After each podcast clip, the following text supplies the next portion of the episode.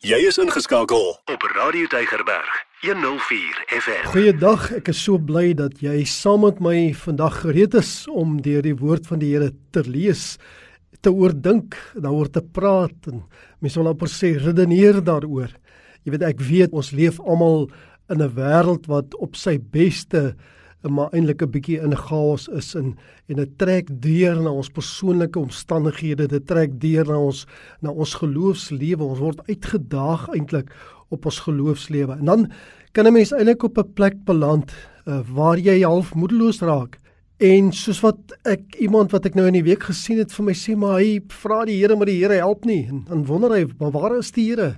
En miskien is jy ook op daai plek waar jy lank terug al eintlik jou hart vir die Here gegee het en intussen het jy nou hierdie hierdie lewenspad ook gestap.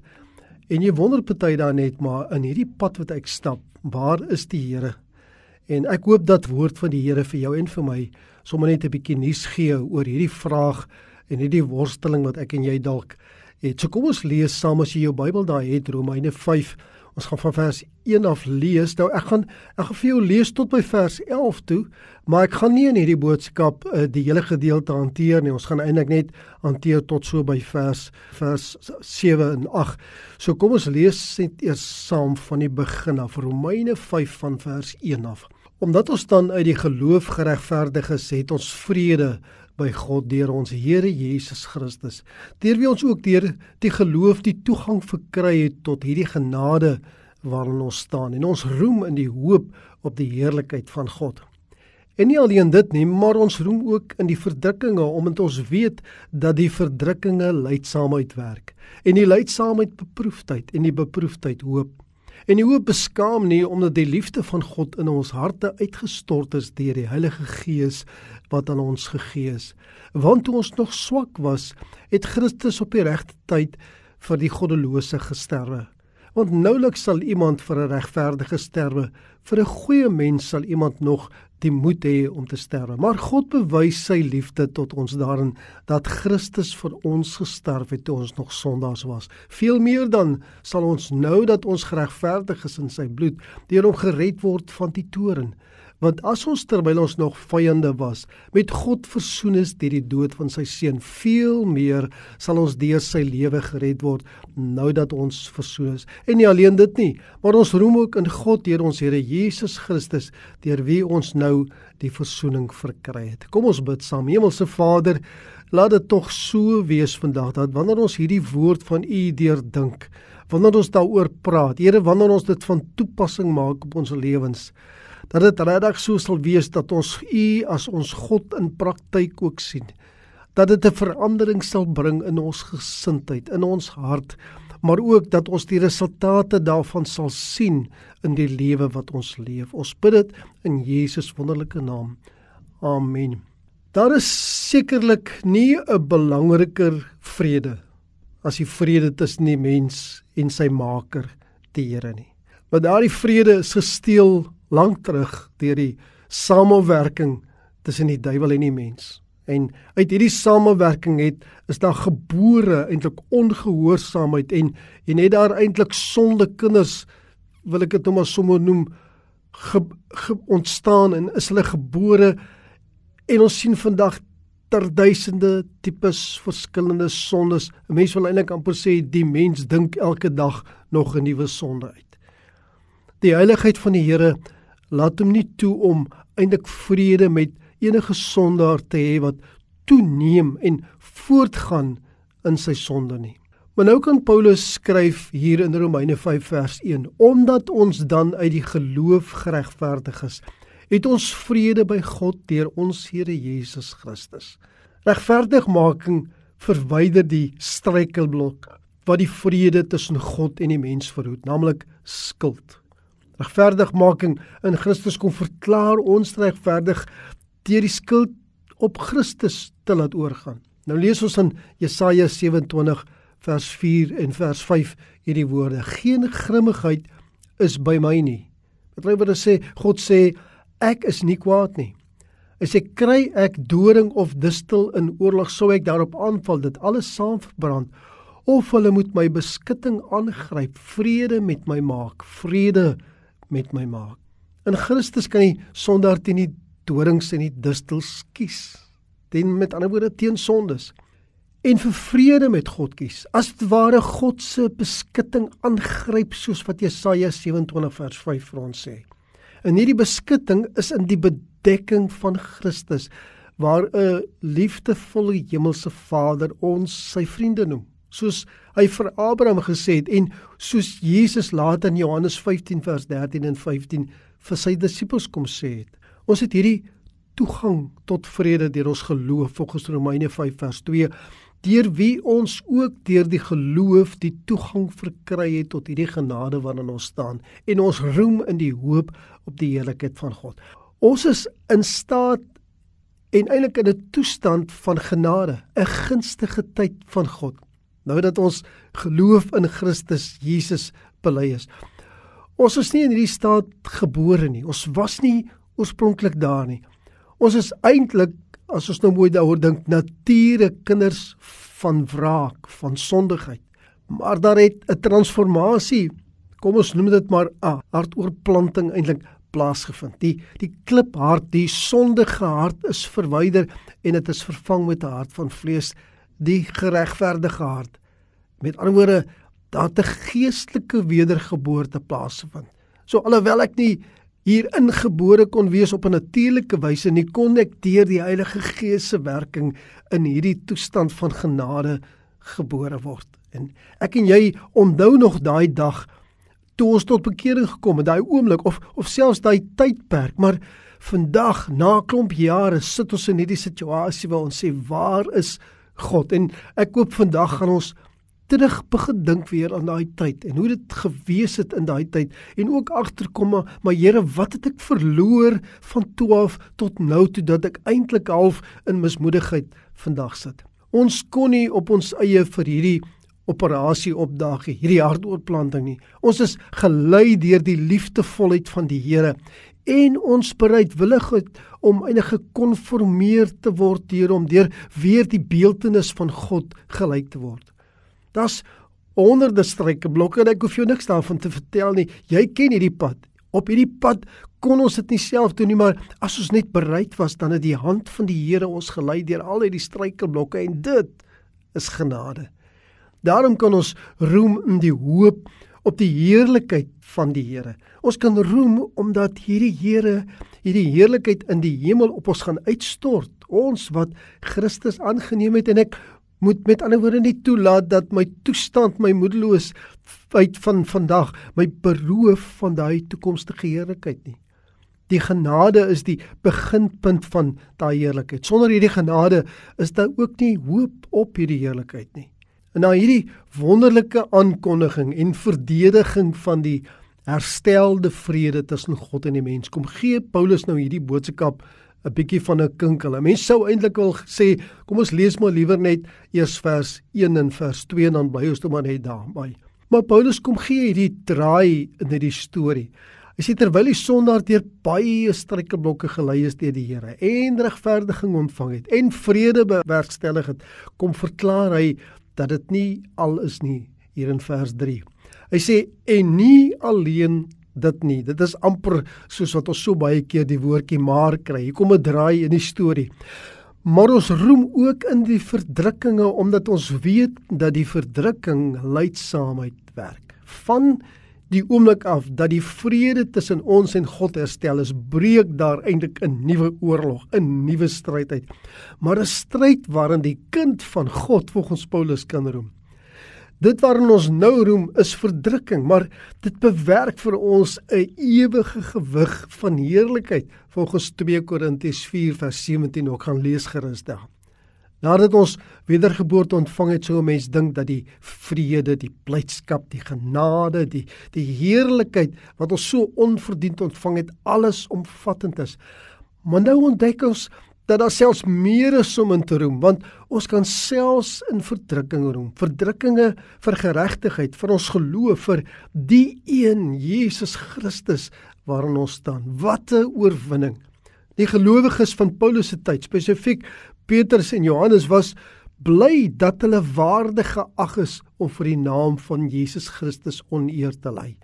Is dit hoe ek en jy ook vandag dink wanneer ons ly vir ons geloof en ons kom agter dat om in hierdie in hierdie lewe vas te staan op die woord van God vir my allerlei probleme veroorsaak, is ek en jy ook van harte en van gesindheid so en in ons woorde dat ons sê maar ek is waardig geag en ek is waarlik bly dat die Here my waardig ag om deur hierdie beproewinge te gaan of klaas maar net oor alles wat met ons gebeur. En daarom moet ek en jy as kinders van God nie beproewinge vermy nie. Dit beteken nou nie dat ons gaan soek vir moeilikheid nie, nê, maar maar wanneer dit kom, kan ons dit as dit ware koester met dieselfde gesindheid van onwaardigheid, maar bereidwilligheid en roem om deur die moeilikheid te gaan ter wille van ons verlosser. Nou is dit asof Paulus 'n vraag vra, maar in plaas van hom die vraag te vra, wat hy eintlik wil vra is, hy wil vra maar, maar waarom sou ons dan roem in hierdie verdrukking? Dit is die vraag wat 'n mens kan aflei, maar hy kom gee eintlik net vir ons die die antwoord, want hy sê dit is daar's 'n kettingreaksie wat begin by lydsaamheid.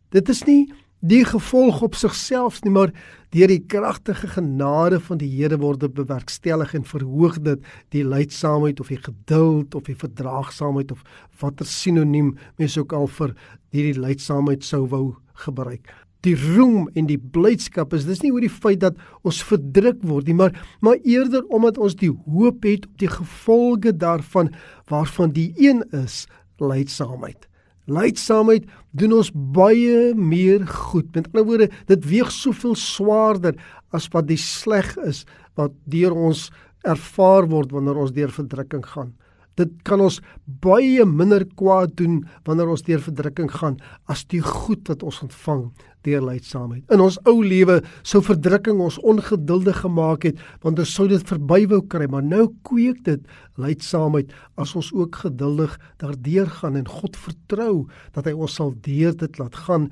en ons aan die ander kant uit sal laat kom as oorwinnaars. En dan uit hierdie lydsaamheid vloei nog verdere redes tot roem. Nou lees ons in vers 4 en die lydsaamheid beproefdheid en die beproefdheid hoop. Die woord beproefdheid word in die Engelse vertalings gegee as experience, met ander woorde ervaring. En tussen hierdie twee woorde, die ervaring en die beproefdheid het ons eintlik 'n betekenis dat deur hierdie ervaring met ander woorde deur iets herhaaldeliks te doen, herhaaldelik te ervaar, word ons geloof eintlik getoets. Want jy weet mos as jy 'n ding al hoe meer en meer doen, raak jy al hoe beter en beter en beter daarin. Jy doen dit as dit ware later sommer toe o en dit deurstaan die tyd van toets. Deur elke toets wat ons slaag, ontvang ons die stempel van goedkeuring. Die beproefdheid skep hoop in my en jou verstand en in ons hart. Wanneer ons deur die verdrukking, deur die beproewing getoets is, word ons as dit ware so suiwer goud. Al die gemors is eintlik uitgehaal en ons is net die suiwer goud, die duursame goud wat oorbly. Dan word ons aangemoedig om te hoop. Deur verdrukking eksperimenteer ons eintlik met ons eie opregtheid in ons geloof. Dis nie so seer die fondasie van ons hoop nie, maar dis die bewys daarvan. Ons kry dis 'n ervaring van God want hy is die stit, hy is die bron van ons hoop en dan is dit ons ook hierdie ervaring van onsself om ons opregtheid in ons geloof eintlik te kom bewys en te toets. 'n Mens wil eintlik saam met die psalmdigter roep volgens Psalm 26 vers 2 Toets my Here en beproef my, keer my niere en my hart. En dan ook Psalm 139 vers 23: Deurgrond my o God en ken my hart, toets my en ken my gedagtes. In hierdie hoop laat ons nie beskaamd staan nie. Vers 5 van Romeine hoofstuk 5 sê en die hoop beskaam nie omdat die liefde van God in ons harte uitgestort is deur die Heilige Gees wat aan ons gegee is. Hierdie hoop wat die getoetste resultaat is van ons geloof, van verdrukking, van lydsaamheid, sal ons nie in die steek laat nie. Dit sal ons nie teleurgesteld laat staan nie. Die sondaar sal gekonfronteer word deur ewige skaamte en verwardheid en wat is die wat die resultaat is eintlik van hulle verwagtinge wat tot niks gekom het nie. Maar die kind van God se hoop is gegrond op geregtigheid en dit gee ewige blydskap en oorwinning. Dit waarborg volgens Spreuke 10 vers 28. Die verwagting van die regverdiges is vreugde, maar die hoop van die goddelose vergaan. Daarom moet jy nie aan jouself dink as besig om te vergaan net omdat die lewe rondom jou en in jou eie omgewing ook omdat dit 'n bietjie chaos is nie. Die Here het jou nie vergeet nie. Jy moet maar net weer op die pad kom. Jy moet maar net weer gryp weer God se hand. Laat God jou weer toets en aanvaar die beproewing en skep moed en skep hoop daaruit. Geliefdes, ons hoef nooit skaam te wees vir die beproewinge waardeur ons gaan nie. As hierdie beproewing in lyn is met ons geloofsbelewenis, dan is dit 'n goeie en 'n roemryke saak. Die fondament hiervan is die liefde van God wat in ons harte uitgestort is. Hierdie liefde verseël deur die Heilige Gees. Dit trek God se liefde na ons toe en dit trek ons liefde vir God uit ons uit na God toe. Jy weet mos hoe gaan dit? As twee mense saam deur 'n ervaring, saam gepraat het, saam geworstel het, saam gestoei het deur 'n saak, dan kom hulle aan die ander kant uit as vennote, as buddies, soos ons altyd in die weermag gepraat het. Julle ken mekaar al hoe beter en so is dit wanneer ek en God saam deur hierdie beproewinge gaan dan het ek soveel meer liefde vir hom en sy liefde vir my is altyd konstant. Ek weet soveel meer van hom. Ek het soveel meer ervaring van hom. Ek vertrou hom soveel meer want ek weet hy het my deurgedra. In hierdie liefde van God het ons spesiale genade soos die heerlike aroma van salwingsolie. Alles wat voortgevloei het uit ons geloof dwars deur die beproewinge is moontlik gemaak deur die liefde van God, want ons weet so lief het God die wêreld gehad dat hy sy enige gebore seun gegee het sodat elkeen wat in hom glo nie verlore mag gaan nie, maar die ewige lewe kan hê. Dit is hierdie liefde wat ons dring ook volgens 2 Korintiërs 5 vers 14. Vriende, na alles wat ons nou uit God se woord gehoor het, wil ek 'n toetsvraag vra vir ons almal. Getuig jou lewe van hierdie geloofspad wat die vrug het van roem in die heerlikheid van God, in beproewing, in die resultate van lydsaamheid en beproefdheid van jou lydsaamheid en die hoop wat nie beskaam nie. Of het jy hierdie hoop verloor omdat die lewe jou te veel gedruk het. Het jy 'n mens geword wat vingerwysend na God verwys as die een wat jou nie wil help nie? En as dit jy is, wil ek jou terugroep. Die Here roep jou terug na die plek toe waar jou geloof begin het. Begin stap weer die pad. Lees jou Bybel. Bid tot God, praat met mense oor jou verlosser en jou saligmaker. Vul jou huis, jou omgewing, jou werksplek weer met die lof en aanbidding wat God verdien. Laat jou liefde vir die Here weer uit jou uitvloei en laat mense dit as dit ware kan sien en jy sal agterkom daar's 'n groot verandering. En as jy waaragtig hierdie geloofspad stap, hou moed roem in die heerlikheid, die verdrukkinge in die hoop wat nie beskaam nie in die allesomvattende liefde van die Here. Moet nooit ophou verlang na vrede met God nie. Laat dit meer en meer word in jou lewe ten spyte van die onvrede in die wêreld. Kom ons bid saam.